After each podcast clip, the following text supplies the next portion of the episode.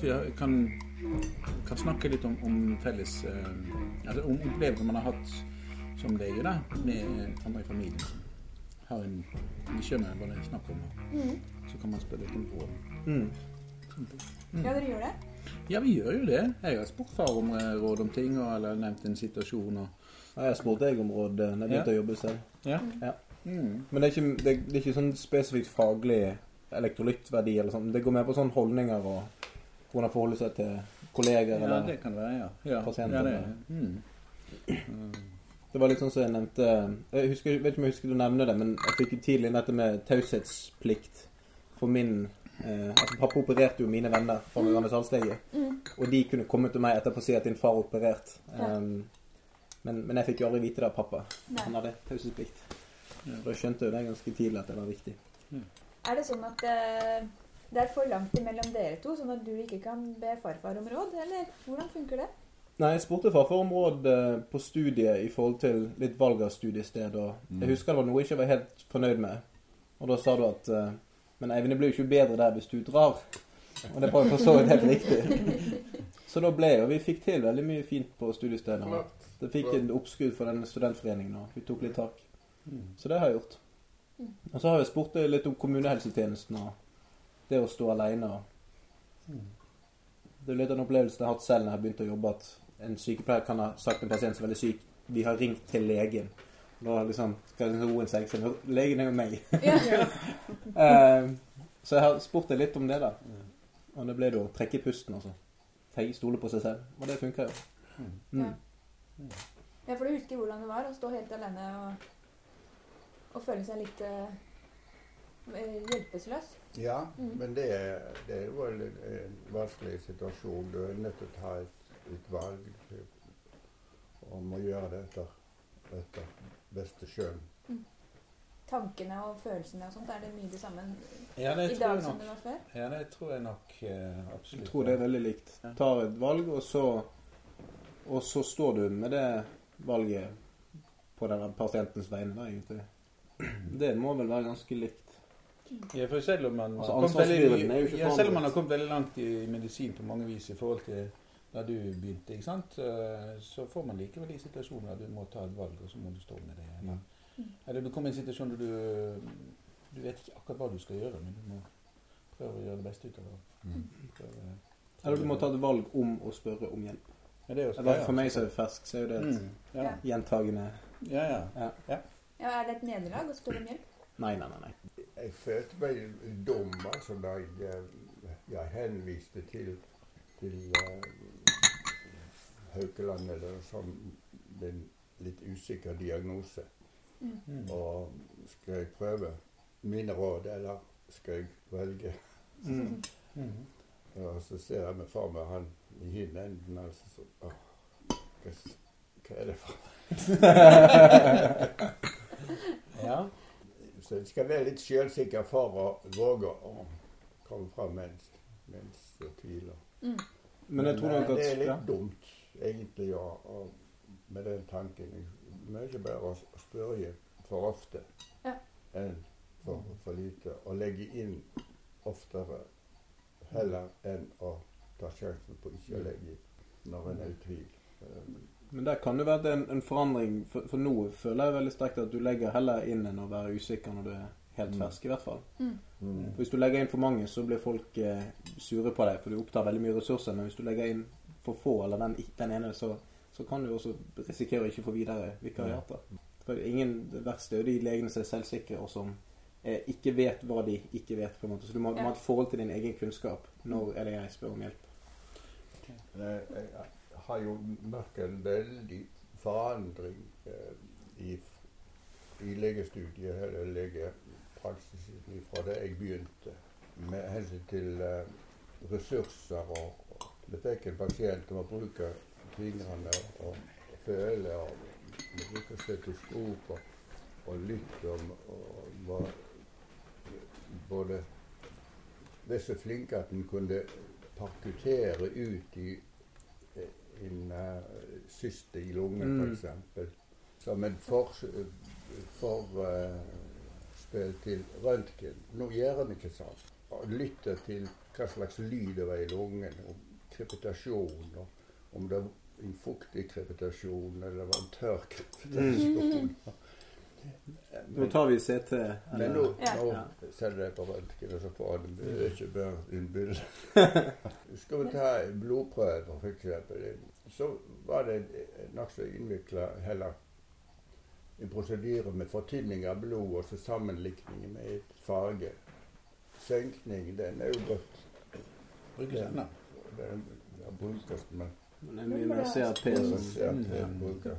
Når det gjelder urinundersøkelse, f.eks., skulle du vite om det var, var eggehvit urin, så, had- var det spesielle glass som heller hellerglass. Og så det urin, og så syre. Jeg tror det var salpetersyre.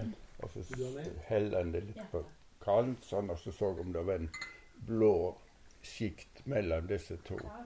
Og det betydde det at hun hadde eggehvit i Ja. urin. Ganske omstendelig. Og når det gjelder sukker, altså, så så brukte jo legene i gammel tid å smake på det om det var søtt eller ikke. Men det er sant. Det, Smakte det, på det, For å kunne se om de hadde diabetes. Du har en historie. Smakte på urinen? Du har gjort det? Nei. Nei. Nei, det var, man hadde strimler. Ok. Det har når du eh, Ja, ok. Mm. Men hva med, hva med liksom forholdet til pasientene og til kolleger? eh, Har det forandra seg mye gjennom deres Jeg har ikke du nok erfaring til å Nei. Jeg har seks måneder. Altså, Legerollen har jo forandret seg voldsomt. Det har jo vi eh, merket. Altså, dere var jo halvguder i din tid. Ja, det har jeg merka. ja, men det er sant. Jeg Ja. merker veldig respekt av, fra pasientene og, og folk. Og, og at folk var, var glad i henne, liksom. Og jeg Mm. møtte her en dag en mann på 80-70 år.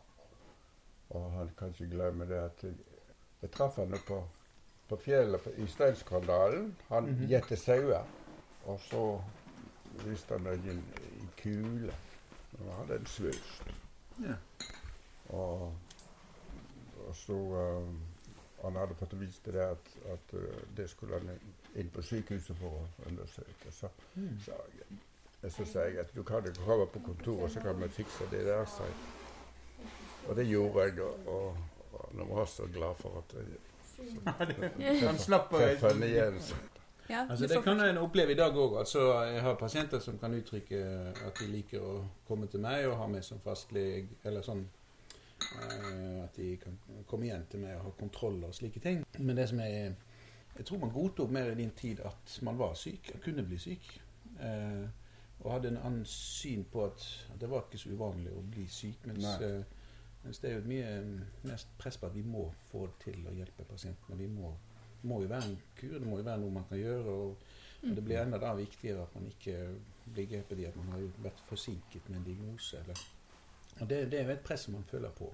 Den, eh, ja, og det, det kravet det er nok viktig for eh, legen til å skjerpe seg, men, men, men det er jo definitivt tatt ned fra den pidestallen som vi sto på før. Ja. Selv om jeg opplever fremdeles at man har respekt og, og men, Det er litt sånn som han Jørgen Skavlan snakker om, at det er jo, det er jo på en måte fint at legen er tatt ned fra sin, fra sin høye stall, men det, pidestall, ja. Men det går jo også andre veien. Hvis du ikke har noe respekt, så følger heller ikke pasienten dine anmodninger. Mm, For de mm. tar ikke ferdig antibiotikakur, Mm. de tar ikke ferdig den medisinen, de bytter Mm. mellom leger, de spør om sånn second opinion, og det tar ressurser og tid. Så, så det er et eller annet Det er, veldig, det er fint at vi har kommet ned litt, tror jeg, men, men eh, må, Ja, men jeg tror legen har fått en uh, litt grann mer ydmyk og selv, Ja.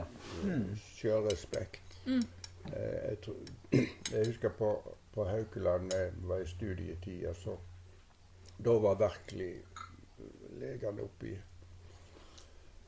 sfæren. ja. Mm. Og professoren eh, han eh, gikk på visitt med en lang hale med studenter. Mm. Og stansa det i seng. Og ei søster hadde kommet med en krakk som hun stakk under baken for han, slik at han kunne sitte ned. Og, eh, og så doserte han eller eh, spurte pasienten for åpen scene om Om alt Ja, mulig. det var ingen mulig. Ja. Det var ingen respekt for pasienten. Lite iallfall. Og, og en gang så en, var man demonstrert i bevegelser i hoftene, var det. Så hadde en ung jente på bordet og skulle demonstrere hvordan det skulle bevege hoften, hvor langt den skulle Kunne gå. bevege. Ja, ja. Og så blottene høyt, og så, så Ja. stakkars jente. Men det er jo sånn som veldig ikke skjer. Nei. Nei. Du kan jo snakke om når du var bygdegutt. Ja, ja, ja, vi prøvde å finne fram sånne historier. Jeg har jo en opplevelse fra når jeg var i tidlig tenår, eller ikke 12-13 år, eller noe sånt. Og på fotballbanen i Tysse Samnanger, da vi flyttet dit da jeg var 11 år. Ja. Og så spiller vi fotball, og så er det en som går i bakken, og så ligger han der og vrir seg og sånn. Og så, og så ble det ropt ut 'Ja, doktorgutt, kom her nå, nå må du hjelpe Ja. til'. Og jeg ble skjøvet fram og sånt, og tittet på han som lå der og vrei seg. Ja. Ja, nei ja, Det der går vel bra, det. For det gjorde jo som regel, liksom. Men heldigvis så tok de han med til far min. Han hadde jo kravebeinsbrudd og ble sendt på Måtte ha bandasje og ble sendt. eh, Jeg mente jo faktisk at jeg kunne gjøre litt ekstra forskjell der, da, som 12 og 13 år. Ja, men du hadde jo vært med på din. Var du med på sjukehusbesøk? Ja, jeg, jeg var av og til med han og, og la merke til at jeg syntes det var litt rart at han kunne bare banke en gang på døren, så bare gikk han rett inn.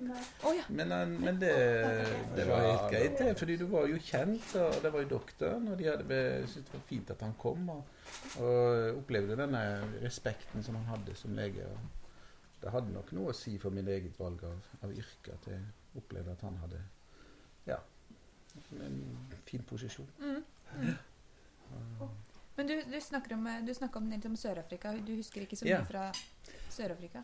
Jeg husker jo at eh, far snekret jo et helt fly, han som vi hadde på terrassen på, på Molo. Som vi satt oppi og gynges frem og tilbake. Det var et helt fly å sitte på egen hånd. Men ellers er det- der minner meg om at jeg, jeg har hatt så dårlig samvittighet uh, litt grann fordi at jeg har vært for mye opptatt av, av yrket i forhold til familien. Og, og det har jo kona merka seg svært så godt. da. At de ikke har liksom tatt meg Vært de så nær som jeg Mm. burde. Det er jo interessant eh, på en måte, hvis du spør han. Pappa og mamma la veldig mye i ferie, feriene våre. Så jeg har utrolig mye gode ferieminner. Og så fulgte de opp på litt eh, fritidsaktiviteter, og så Men det var perioder eh, Det ble kanskje ikke så veldig mange fotballkamper. eh, Jeg var på noen. Du var på noe. Kjørte noen få ganger. Men, eh, men da, da fikk jeg høre fra foreldrene til de andre da at Å ja, du har sånn legefar, ja. ja men det, du kan kjøre med oss. Nei, det er den eh, fasen når man er i spesialisering, sånn, så blir det en del kurs. og Så reiser man på det, og så Ja, kurs. Jeg, jeg har gått Jeg talte opp 50-60 kurs jeg har gått. Men det er en evig videreutdannelse. Men det har vel ikke forandret seg så mye, nei. Når jeg går på et fly, så er det én skrekk som står for meg. Det er at de skal bo på 'Er det noen lege?' Det har faktisk hendt. Er det en lege her? Å ja. Og det var ei dame som hadde hovner. Hun hadde så hovne bein. Og hun hadde, kjø hadde flydd veldig lang tid. Jeg lurte på om det var noe vene eller arteriene, men jeg fant ikke ut av det. Men så hadde vi noen sånne strømper. Støttestrømper? Ja. Så hun fikk låne dem, og så la de på henne. Altså. Så sa jeg at hun måtte gå til legen der og kom fram. Men, eh, så det gikk nå bra, men det, De, de skrinene på fly For jeg tenker det er samme situasjon. Jeg synes Ja. Det skal være gå greit de fleste offentlige steder, men akkurat fly er ekkelt fordi at de eh, skrinene har ingenting i seg. Er lite Omtrent. sånn. Det er veldig lite. For jeg snakker med andre leger som måtte åpne det skrinet, og det er ingenting der. Det er snakk om bandasje og Paracet. Altså det er ingenting som kan hjelpe deg ut. F.eks. adrenalin kan du kjøpe tid med. Da benytter vi sjansen til å skrive det i tidsskriftet. Disse Det syns jeg dere skal gjøre. For det er veldig viktig. Du burde ikke kutte på utgiftene på skrinene. Og de har veldig lite. Um, Men samtidig så blir de da, har de problemer med legale sikkert, hvis en lege gjør litt for mye på et fly. og sånt. Det er sant. Men det får man heller finne en eh, Det kunne i hvert fall vært adrenalin der, da. Altså litt sånn til å løse opp eh, litt sånn nitroglycerin. Ja. Mm. Det kunne vært noe der som ikke kan misbrukes. Men så når folk spør meg hvis det er ute på, på byen eh, Når jeg studerte, så var det en som falt om, og det var spørsmål om at det var kommet noe i drinken. Mm. Og jeg opplevde når folk har drukket litt, da er det mye lavere terskel for å rope ut at Ja, men Eivind er jo lege. Eh, og da skal du liksom ta stilling til det mens du egentlig er ute og koser deg selv. Ja, ja, ja. Og du har ingenting å hjelpe deg med, i hvert fall ikke det andre. Um, Men det blir ikke sånn når dere har store familieselskaper at alle kommer og Det er ikke sånn at alle tanter kommer og skal spørre om alle jo, litt. Jo, litt. Du har nå blitt ringt i tide og utide, har ikke du det? Jo da, men noen skal ha litt ekstra. Nei da, men det er De har vel gjerne ringt når barn er syke. Ja. Og du har hørt Ørnes halslege. Ja. Og det, er- man kan jo skjønne at man ringer da hvis det Ja, da. Jeg hadde det sånn da før jeg pensjonerte meg, men jeg, jeg gjorde det Så Sa ifra meg lisensen, slik at du kunne ikke skrive ut en resept engang. Nei, da slutta de å ringe. Ja. Ja.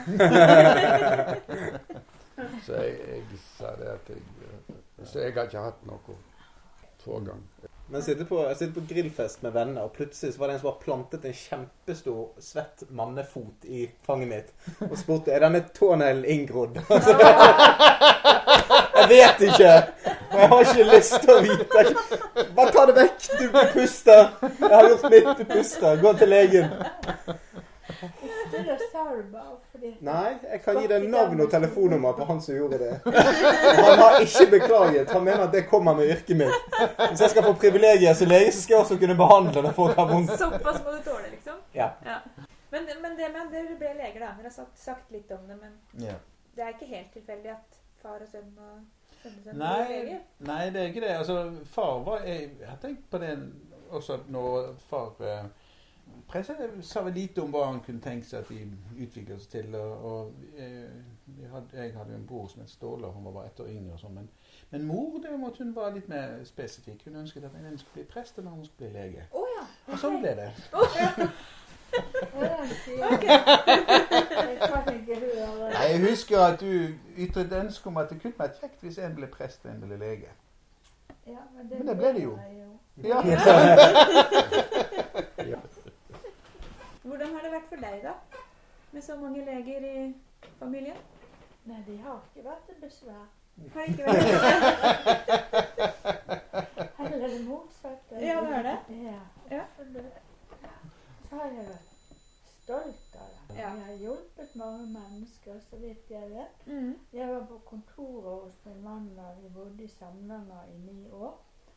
Det var jo sånn var distriktslege så, så um, begynnelsen så var det ikke noe vaktordning. Jeg var enelege og måtte ta ved på vakt stadig og kunne få uh, telefon når som helst på døgnet. Mm.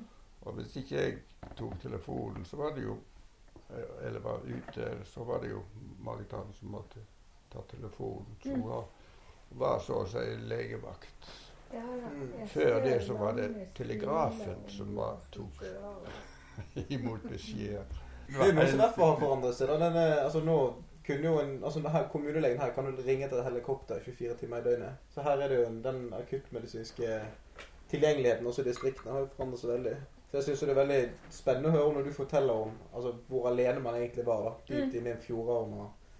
Det høres jo det høres jo litt sånn cowboytøft ut. Samtidig så var det da en annen holdning til det å ha sykdom. og sånt, For da visste man at dette her kan jo gå galt. For Ja. Det er ikke så lett å få tak i det og alt det der. greiene der. Ja, det var jo for dårlig utarbeidet eh, vaktsystem i den tiden. Du hadde jo fusa og Ja, to det. Ja. Var sånt. Mm. Men det var jo fordi det var ikke å få fatt i lege der. Det er ingen som søkte der. Det var Mm. Legemangel. Men så kom den tiden med donorskandidater, og Ja. da ble det jo litt bedre. Ja. Mm. Ja. Og nå er det jo ikke legemangel eh, lenger. Det er også noe som har forandret seg. Forventer Legeforeningen i hvert fall seks, syv, åtte år med overskudd av nyutdannede, sånn som meg. da. Så det er nesten 3000 studerer i Norge, og så er det nesten 3000 studerer i utlandet. Og det er veldig mange kandidater etter hvert. Ja. Altså når du kom ut, så var det jo ettertraktet overalt. Og nå er det mye mer skaffe deg hospitering, eh, jobbe i pleien i studietiden. Det har man jo bare godt av, kanskje.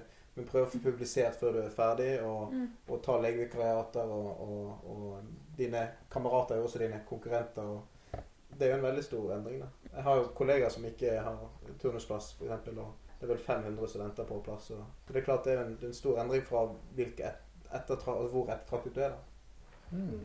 Mangler du noe? Eh, Ja, det gjør jeg helt sikkert, men eh, Ikke føl noe press med mangler noe. Du? Må ta det nå i løpet av neste tre minutter. Men det er jo en god kjemi med dere, da. Dere er jo, det er jo veldig hyggelig å se at jeg er så eh, Jeg er veldig glad i hverandre. ja. Er du det? Jaså? Har du glemt det, da? Han fortalte meg at han skulle bevise at 90-åringer kan ha et uh, liv med trening Ja. og Ja. rikt liv, da. Jeg vet ikke om det kommer i tidsskrift. akkurat. Men du ble spurt om hva er, hva er hemmeligheten din, og da har du svart flere ganger. Det er at du gjør en morgengymnastikk. Den gjør du hver dag, og det har du gjort i mange tiår. Du tar, du tar ti sånne helt ned, og så helt opp. Nei, 16. 16. Ja. Og så har vi et sånt Morgenritualet.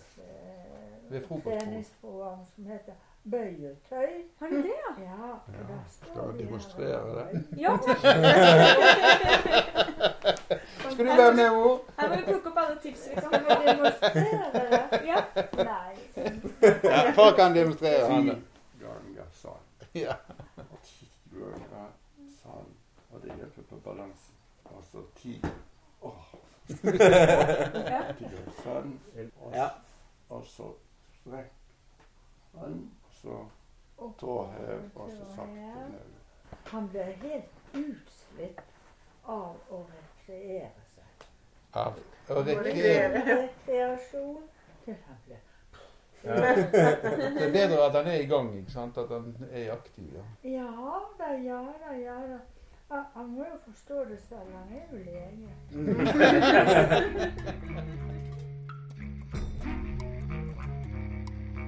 Música